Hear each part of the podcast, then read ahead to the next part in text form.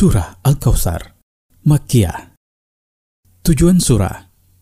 Surah ini menitik beratkan pada nikmat Allah kepada Nabi Wasallam dan memutus jalan orang-orang yang membenci Nabi Wasallam. Tafsir.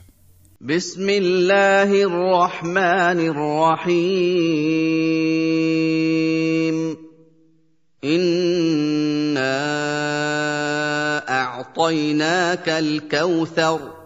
Sesungguhnya kami telah memberimu, wahai Rasul, kebaikan yang banyak.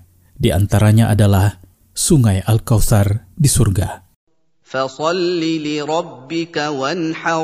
Maka tunaikanlah kewajiban syukur kepada Allah atas nikmat ini. Solatlah untuk Allah semata dan sembelilah kurban untuknya untuk menyelesihi orang-orang musyrik yang mendekatkan diri kepada berhala-berhala mereka dengan menyembelih kurban. Sesungguhnya, orang yang membencimu adalah orang yang terputus dari segala kebaikan yang dilupakan, yang jika dia disebut, maka disebut dengan keburukannya. Faidah dari ayat-ayat di atas. Pertama, pentingnya keamanan dalam Islam.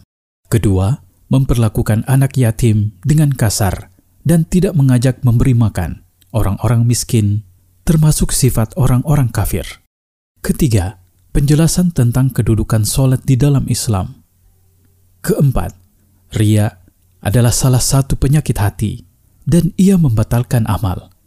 Kelima, mensyukuri nikmat dapat membuat nikmat bertambah banyak.